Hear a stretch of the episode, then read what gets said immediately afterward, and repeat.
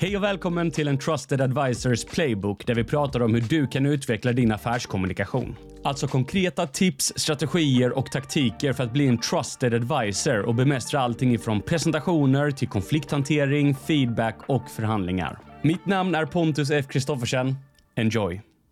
Om du är en av alla som är orolig för att framstå som inkompetent när du presenterar på grund av din nervositet, så finns ett enkelt knep för att garantera att du framstår som självsäker och trovärdig, trots att du är nervös. När du har en viktig presentation så tänker du säkert på vad du ska säga. Så du skriver ditt manus eller du gör din powerpoint som du kan följa.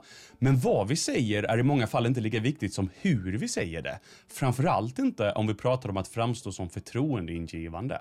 Det finns många studier på den icke-verbala kommunikationens påverkan av hur vi uppfattas.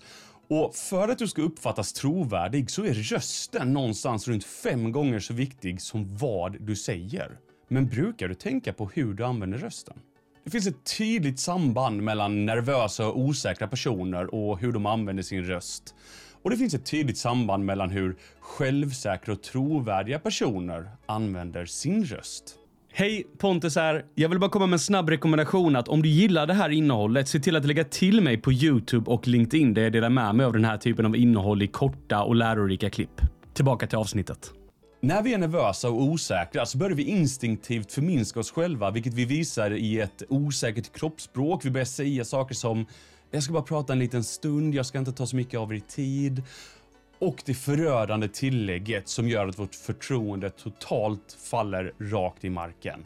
Det är att vi går upp i ton i slutet av meningen.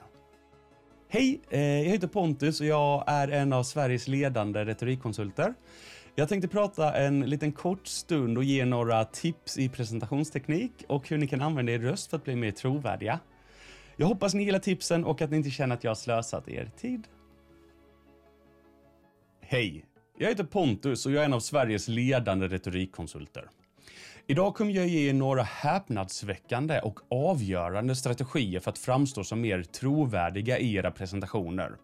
Om du tar till dig de här tipsen och börjar använda dem så kommer du kunna öka din trovärdighet markant, oavsett om du är nervös eller inte.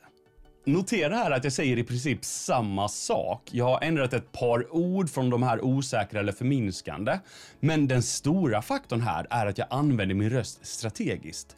Istället för att gå upp i ton i slutet på meningar så går jag ner, vilket ger en känsla av trygghet och förtroende. Och det här är så viktigt att träna på, för rent krast, när du presenterar, även om du är världsledande expert på det du pratar om, om du framstår som osäker i det du säger så kommer du inte kunna bygga någon trovärdighet.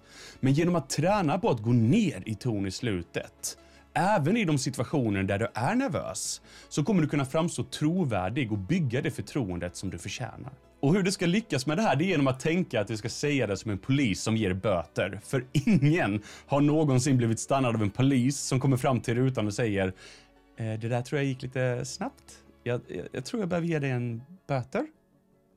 Eller hur? Utan de kommer komma fram och säga du, ehm, det där gick lite snabbt. Jag behöver ditt körkort så jag kan skriva en böter. Det finns ingen tveksamhet. Och om du har det här i bakhuvudet att du ska säga det du säger på samma sätt som en polis som ger böter så kommer du på nolltid framstå som mer förtroendeingivande oavsett om du känner dig nervös eller inte. Så det var allt för det här avsnittet. Testa tipsen. Lägg märke till hur bra de fungerar och kom ihåg att förtroende, det är valutan för framgångsrika affärer.